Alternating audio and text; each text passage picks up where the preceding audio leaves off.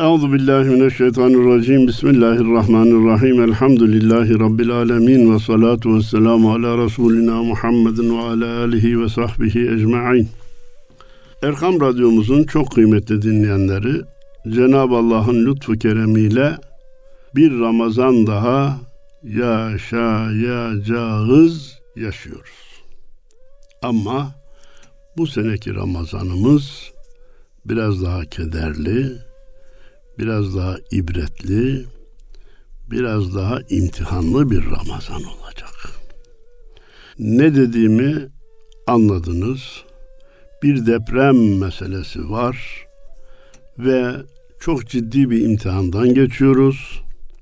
Her ne kadar depremin üzerinden bir buçuk iki aya yakın bir zaman geçmiş ise de bu deprem öyle bir senede iki senede yarası sarılacak bir deprem değil.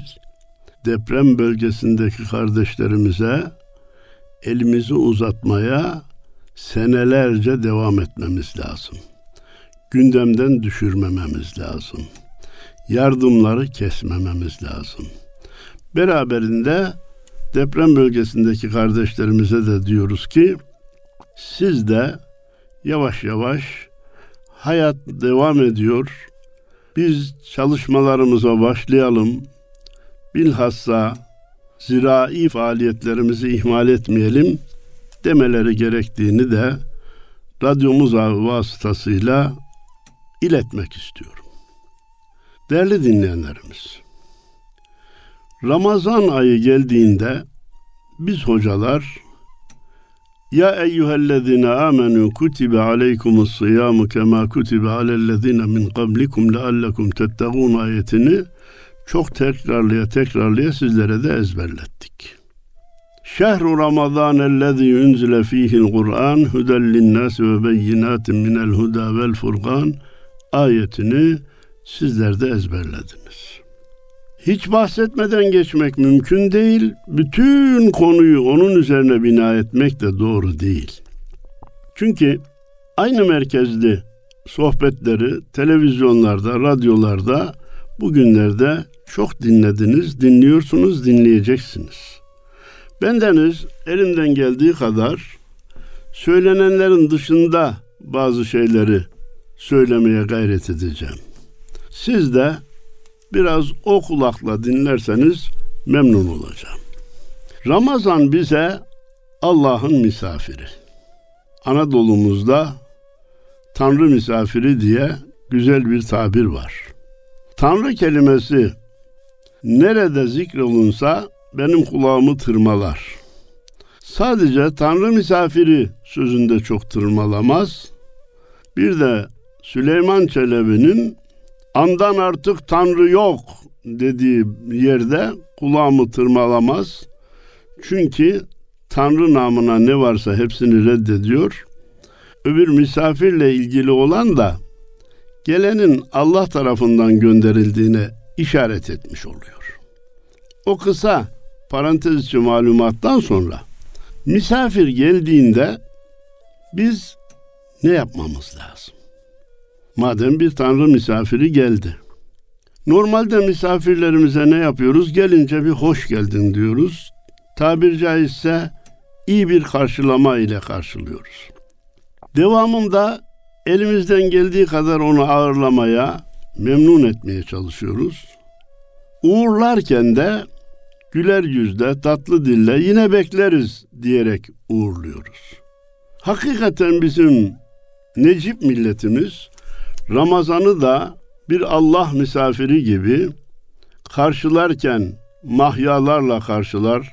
Hoş geldin ey şehri rahmet merhaba diye. Hoş geldin ey şehri Ramazan diye karşılar. Ağırlama konusunda bazı kardeşlerimizin biraz tembellikleri söz konusu.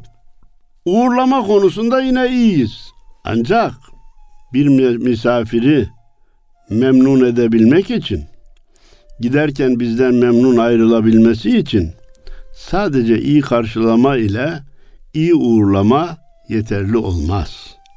İyi de ağırlamak lazım. Hocam Ramazan'ı karşıladık, hoş geldin dedik, mahya yazdık, İlk günlerde orucu tuttuk. İlk günlerde heyecanla teravih kıldık. Beş vakte başladık ama ondan sonra nefis bize dedi ki ya bu 30 gün 15-16 saat aç susuz durarak biter mi?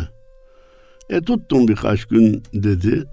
Teravih 20 rekat, 30, 13'te yatsı var 33. 5 vakit kıldığın zaman 40 idi şimdi 60'a çıktı. E bu biter mi diye nefsin ve şeytanın ivası ile hilesi ve teşvikiyle bazı kardeşlerimiz ağırlama konusunda tembellik gösteriyorlar.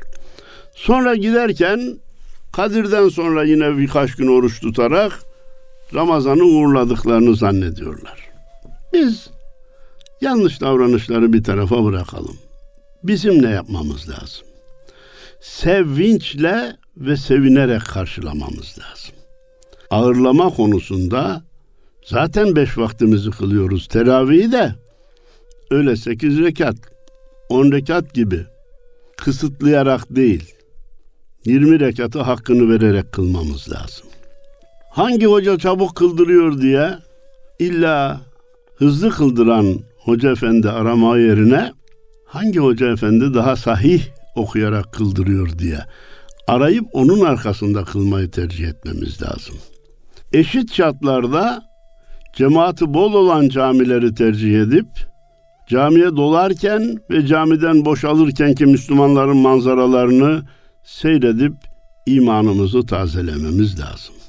Sadece bunlarla kalmayıp mukabelelere iştirak etmek, evimizde kendi başımıza da okumayı biliyorsak bir hatim başlayıp bitirmeye çalışmak, dini sohbetlere daha çok iştirak etmek, başta söylediğim depremzede kardeşlerimizin imdadına zekatlarımızla, fıtralarımızla, fidyelerimizle yetişmeye devam etmek, Kur'an'ı bilmiyorsak Kur'an okumaya başlamak şeklinde ağırlamalıyız ki uğurladığımız zaman bizden memnun olarak ayrılabilsin. Efendim, her sene Ramazan geldiğinde tırnak içinde söyleyeyim bazı magazinciler gündeme birkaç madde atarlar. Bir ay süresince Müslümanlar onunla meşgul olur, tartışırlar. Hiçbir neticeye de varılmaz. Sakız orucu bozar mı bozmaz mı? Bir zamanlar bu tartışıldı. Şimdi mevsim itibariyle gündemde deniz yok. Yaza geldiğinde Ramazan'ın denize girmek orucu bozar mı bozmaz mı tartışılmıştı. Bunların en zararlı olanı da teravih var mı yok mu? Varsa kaç rekat?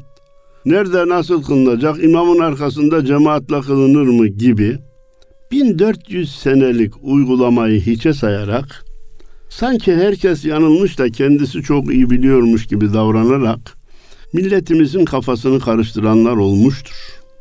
Bugünlerde tekrar olur mu olmaz mı bilmiyorum.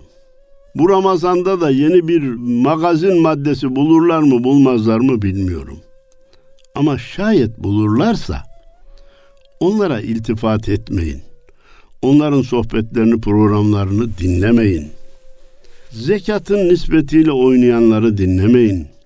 Türkçe namaz kılınabilir diyenleri dinlemeyin. Kur'an bize yeter, sünnete gerek yok diyenleri dinlemeyin. Sünnet vahiy kaynaklı değildir. Vahiy neticesi değildir. Peygamberin sözleridir. Bizi de bağış, bağlamaz demeye çalışanları dinlemeyin diye özellikle not vermek, dikkatinizi çekmek istedim. Hani dedim ki diğer meslektaşlarımın söylediği şeylerin dışında bazı şeyler söylemeye çalışacağım. Bizim milletimiz bir yağmura rahmettir, bir de Ramazana rahmet ayıdır. Hani başı rahmet, ortası mağfiret, sonu da cehennem azabından azad olmak şeklinde de özetlenir ya. Peki Yağmura da rahmet diyor, Ramazan'a da rahmet diyor. İkisinin ortak noktası nedir ki ikisine de rahmet denilmiş? Ne olacak? Yağmur nasıl maddi kirlerimizi, tozumuzu, toprağımızı, çamurumuzu alır götürürse, barajlarımızı doldurur, bize üstün moral kazandırırsa, tarlalarımızı, bağlarımızı, bahçelerimizi sulayıp meyve, sebze, tahıl ürünlerinin daha iyi yetişmesine zemin hazırlarsa Ramazan da aynen onun gibi bir rahmet olup bizim manevi kirlerimizi temizler, kalbimizi takviye eder, imanımızı tazelememize sebep olur. İleriye doğru daha üstün bir moralle, daha Allah'a kul olmanın, Peygamberimiz Aleyhisselatü Vesselam'a ümmet olmanın heyecanıyla yaşamamızı temin eder veya katkıda bulunur. Bunun için bizim milletimiz Ramazana da, yağmura da rahmet sıfatını uygun görmüştür. Efendim Ramazan'ın 11 ayın sultanı olduğunu bilmeyenimiz yoktur. Peki Ramazan'ı 11 ayın sultanı kılan nedir? Başta okudum. Şehru Ramazan ellezî ünzile fihil Kur'an. Ramazan ayı o aydır ki Kur'an onda nazil olmuştur. Yani Kadir gecesinde yani dünya semasından dünyaya inişinin başlangıç günü Kadir ayı da Ramazan ayıdır. Yani başka kısa bir ifadeyle Ramazan'ı sultan eden Kur'an'ın onda indirilmiş olması. Peki biz Kur'an'ı okumayı biliyor muyuz? Manasını öğrenmeye çalışıyor muyuz? Bir yanımızda metin, bir yanımızda mana ki ben meal değil de tefsiri tavsiye ediyorum. Beraberce müzakere etmeye alışmış mıyız? Yani şu Kur'an'a göre, Kur'an'a karşı vazifelerimiz nelerdir? Bu Ramazan ayında bir gözden geçirmemiz lazım. Geçirirken de kendimizi bu işe teşvik edebilmek için Ramazan indiği ayı sultan etmiş. Benim de gözümden içeri girsin ki gözüm sultan olsun. Beynimde Kur'an'ın harfleri e, nakşedilsin ki beyin hücrelerim sultan olsun.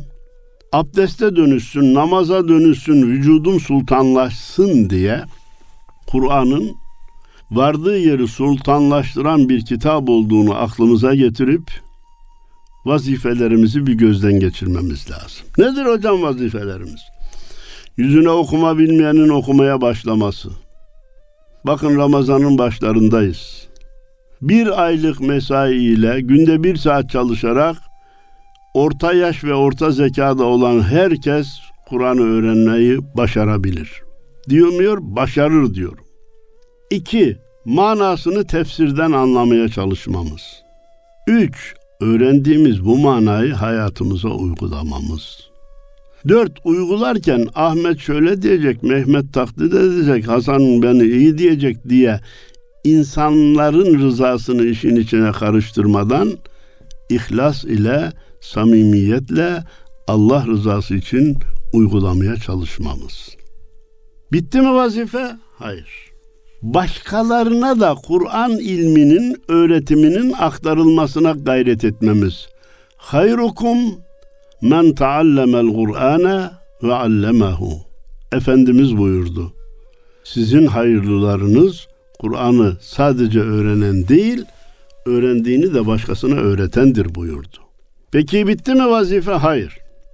Birazcık fen ilimleri okuyanlar, hele hele kendi sahalarında uzman olanlar, kimya profesörlerimiz, fizik profesörlerimiz, tıp, astronomi, meteoroloji profesörlerimiz, matematik profesörümüz, Kur'an'dan kendi branşı ile ilgili ayetleri, Efendimizin sahih hadislerinden kendi branşı ile ilgili hadis-i şerifleri ele alıp masaya yatırıp 1400 sene evvelden gelen bu ilahi mesajların insanlığa neleri işaret ettiğini dikkatinizi istirham ediyorum. Şimdiye kadar neler kazandırdığını Batı insanının dinden haberi olmayan grubun farkına varmadığı halde dindar grubun, uygulayanların neler kazandığını psikolog kendi açısından, psikiyatrist kendi açısından, tıp hocası kendi açısından ortaya koymalı. Bununla yetinmemeli. Bir de bundan sonra insanlığa nasıl bir ışık tutuyor?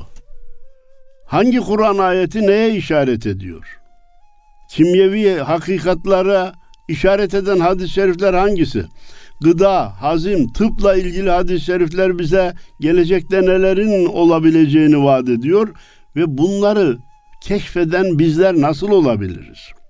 Bu nimetler dünya insanlarına Müslümanların eliyle nasıl takdim edilebilir? İşte Kur'an'a karşı en asli, tabir caizse tırnak içinde en çağdaş, en dikkatleri çekecek ve dünyanın inanç haritasını değiştirecek hizmetimiz bu yönde olmalıdır. İlahiyat hocasıyla tıp hocasını, Diyanet hocasıyla kimya hocasını, fizik hocasıyla tefsir hocasını, hadis hocasıyla astronomi hocasını beraber çalıştırmamız lazım. Bendeniz bunu belki beni dinleyenlere usandıracak kadar tekrarladım. Bu konuda bazı gelişmelerin oluş, olduğunu duyarak rahatlıyorum. Daha beklediğim gelişme olmadığını bilerek de üzülüyorum. Profesör Doktor Miktat Kadıoğlu'nu selam ve muhabbetle selamlıyorum. Kur'an-ı Kerim'deki meteoroloji ile ilgili ayetleri almış, incelemiş. Daha henüz kitap haline gelmedi ama kitap haline getireceğini, Diyanete sunacağını söyledi. Benzerlerinin çoğalmasını istirham ediyor. Cenab-ı Allah'tan da niyaz ediyorum. Ana noktamız neydi? Madem Kur'an indiği ayı sultan etmiş, bizim Kur'an'a karşı vazifelerimiz nelerdir? Bu ayda gözden geçirmemiz lazım. Okumayanın okumaya başlaması, okuyanın manasını anlaması, anlayanın uygulaması, uygulayanın ihlaslı olması, başkasına da öğretme faaliyetlerinin içine girmesi, bir de ayet ve hadisleri bugünkü fenni ilimlerle beraber düşünerek insanlığın önünü açacak, insanlığa yeni keşif, icat ufukları açacak, görüşleri, tespitleri insanlara sunmak diye arz ettikten sonra ayet-i kerimede ya eyyühellezine amenu kutibe aleykumus sıyam ey iman edenler oruç size farz kılınmıştır ayetinde Cenab-ı Allah'ın iman kelimesiyle başlamasında bir nükte, bir hikmet olduğu kanaatindeyim. Şöyle ki, iman etmeyenin ibadet diye bir görevi yok. Bütün ibadetleri Cenab-ı Allah iman edenlerden istemiş. Buna işaret ediyor bir. E niye istemiş de kendine işte inanmış, teslim olmuş, onlara niye yük yüklemiş? İnanmayanlardan namaz da istememiş, oruç da istememiş. Sanki inanmayanlardan bunları istememiş de Allah onlardan memnun mu olduğunu söylemiş, razı mı olduğunu söylemiş. Bendeniz bu mesele kafaya daha iyi yatsın diye o misali hep kullanıyorum. İki tane çocuk düşünün. Birisi okula kaydolmayı bile istememiş, kabul etmemiş, sokakta oynuyor. Bunun ne yazılısı olur, ne sözlüsü olur, ne zili olur, ne teneffüsü olur. Akşama kadar istediği gibi oynayabilir. Evet bu serbestliği olur. Müdür öğretmen bunlar ondan bir şey istemez ama sonunda alacağı bir diploması da yoktur. Okula kaydolmaya razı olan öğrenciyi zil çalmadan evvel sınıfta isterler. Tekrar zil çalıncaya kadar dışarı bırakmazlar. Yazılı imtihana sokarlar, sözlü imtihana sokarlar. Zayıf dersleri için, ikmal için yeni bir e, tarih verirler. Yani tabir caizse vazifeden vazifeye koşturur, imtihanlardan imtihanlara sevk ederler. Ama bunlara katlanana da verecekleri bir diploma vardır. Ne demek istediğimi anladınız? Gayrimüslim, Allah'a inanmayan veya Hristiyan, Yahudi e, başkaları bir kere Kur'an'a ve Efendimiz Peygamberimiz Aleyhisselatü Vesselam'a inanmamış ki Allah onlardan ibadet istesin. İnananlardan istemiş. Niye? Boşa mı çekecekler bu zahmeti? Ahirette vereceği bir cennet var. Efendim hemen akla gelecek bir soruyu arz edeyim. Hazreti İsa'ya da oruç namaz farz olmuştu. Hazreti Musa'ya da farz olmuştu. Tamam. Zaten kendileri ve kendi devirlerinde yaşayan insanlar da bizim gibi Müslüman. Onların cennete gitmede bizden bir farkı olmayacak. Ama Bugünkü Hristiyan ve Yahudiler biz de Allah'ın gönderdiği kitaba ve peygambere inanıyoruz diyerek kendilerini kurtaramayacaklar. Çünkü biz Hz. Musa'yı inkar etsek, biz Hz. İsa'nın peygamber olmadığını söylesek dinden çıkarız. İncil ve Tevrat'ın aslını kabul etmiyoruz desek dinden çıkarız. Onlar Kur'an-ı Kerim ve Hz. Muhammed Aleyhisselatü Vesselam'ı kabul etmedikleri için hem vazifelerle muvazzaf değildir, görevlendirilmemiştir hem de sadece evvelki bir peygambere inanıyor olması onları kurtarmayacaktır. Bizim inancımız böyle. Ne dedik? Ya eyyühellezine amenu deyince vazifeler iman ehline verilmiştir. Ama sıkıntı olsun diye değil, onlara cennet nimeti getirsin diye verilmiştir. Burada bir nükte daha var. Devamında orucu farz kıldım diyor ya. Orucu tutabileceğine inanmayan orucu tutamaz demektir. Oruç tutabilmeniz için önce tutabileceğinize inanmanız lazım. Bir başlasam ama akşam olur mu olmaz mı?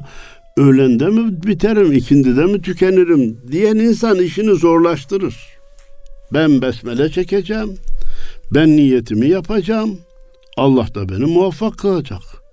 Ya bu oruç Ramazan geçen sene gelmedi ki, bu sene gelmedi ki tutulur mu tutulmaz mı diye tereddüt edeyim. Biter mi bitmez mi diye tereddüt edeyim. Temmuz'una da geldi, Ağustos'una da geldi, Eylül'üne de geldi. Allah'a şükür ümmeti Muhammed tuttu. Allah kolaylaştırdı. Niye başarmayın ki? Elbette başaracağım diyen ancak başarabilir. Devamında Cenab-ı Allah Kütübe aleykumus siyamı kema kütübe alellezine min kablikum. Sizden öncekilere farz kılındığı gibi size de farz kılındı diyor. Halbuki hiçbir şeye mecbur olmayan Cenab-ı Allah bize de orucu farz kılarken bizden öncekilere farz kıldığını söylemeye de mecbur değildi. Peki niye söyledi? Ey ümmeti Muhammed ben bu vazifeyi sadece sizden istiyor değilim. Evvelki ümmetlerden de istedim, sizden de istiyorum. Bu haberi duyunca ümmeti Muhammed'e oruç kolaylaşır. Demek ki Hz. Adem'den beri Cenab-ı Allah yarattığı bütün insanlardan oruç ibadetini istemiş, bizden de istiyor diye düşünüp vazifeyi daha içten, daha kolay gelerek, canı gönülden yapmamızı temin için sizden öncekilere de farz kılındığı gibi buyurmuş. Efendim, devamında eyyamen ma'dudat buyurarak Ramazan sayılı günlerdir diyor Cenab-ı Allah.